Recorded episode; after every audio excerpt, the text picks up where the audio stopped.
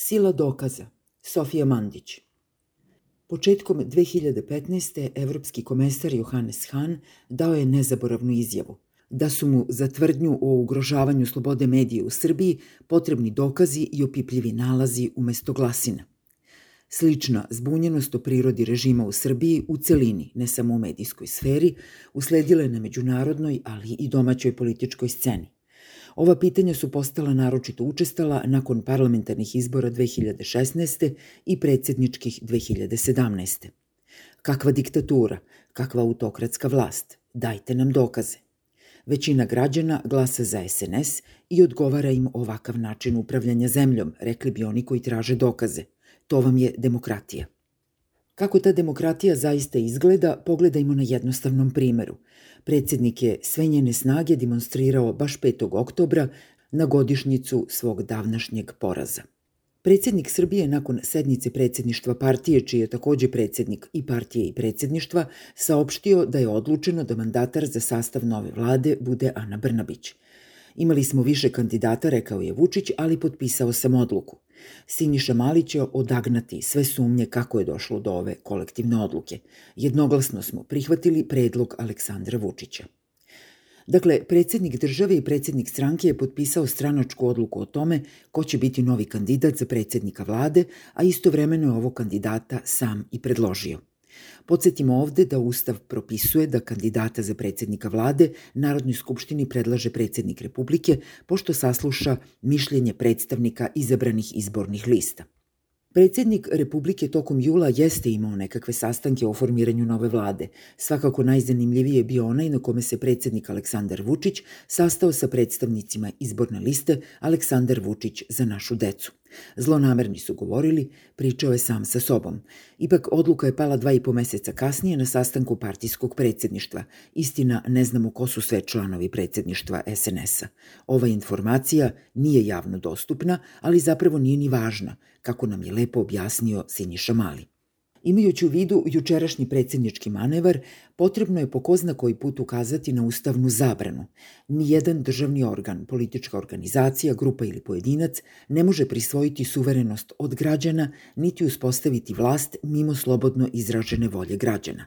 Takođe još konkretnije, političke stranke ne mogu neposredno vršiti vlast, niti je podčiniti sebi. Da li su izbori u junu bili slobodni i neposredni? Jasno je da nisu i o tome je već dosta rečeno na Peščaniku. Ovo je važno jer su slobodni i neposredni izbori predmet više ustavnih garancija.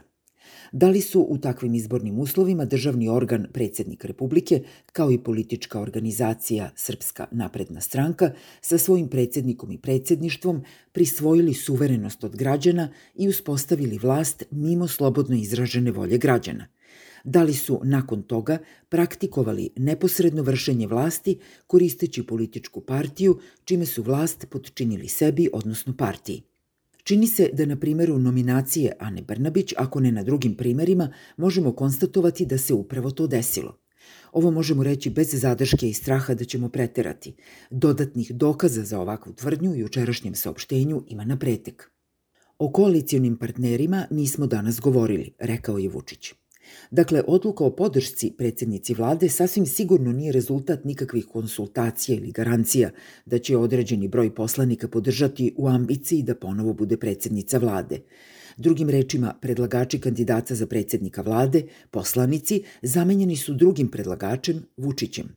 Ko podržava njegovog kandidata, odlučit će takođe on, nekom drugom prilikom.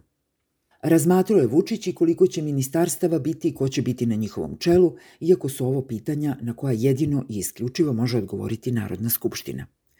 U prvom slučaju u formi zakona, a u drugom slučaju postupkom izbora vlade i njenih članova.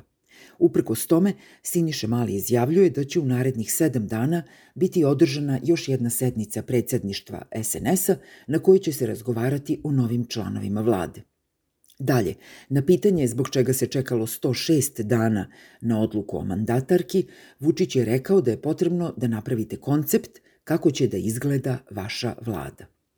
Da rezimiramo. Izbori su bili neslobodni, pa su predsednik i SNS u uslovima epidemije uspostavili vlast mimo slobodno izražene volje građana. Zatim je politička partija, odnosno njen javnosti nepoznati organ, simulacijom postupka formiranja vlade neposredno vršila vlast i to još uvek čini preko svog predsednika tako što nominuje mandatarku bez skupštinske podrške.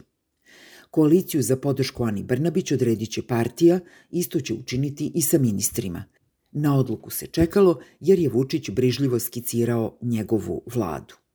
Nije problem samo u tome što su Vučić i SNS po ko zna koji put cokulama pregazili ustav. Učinili su to i toliko puta ranije.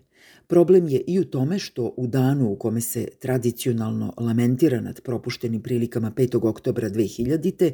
nema ozbiljnijih reakcija na otvoreno ismevanje parlamentarne demokratije i svakog od nas sada i ovde.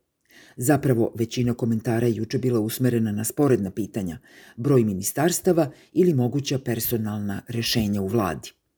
Zbog toga ne svedočimo samo učvršćivanju lične vlasti i nagomilavanju dokaza da zemljom neskriveno upravlja jedna ovakva vlast.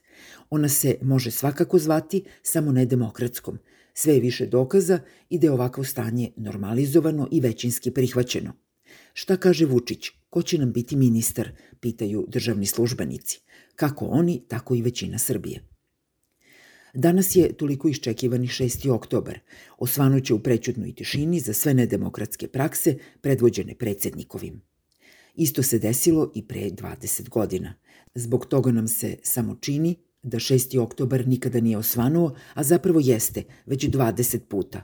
Ono što se nije desilo smo mi rešeni da uzurpatorima, koji god bili, pokažemo gde im je mesto.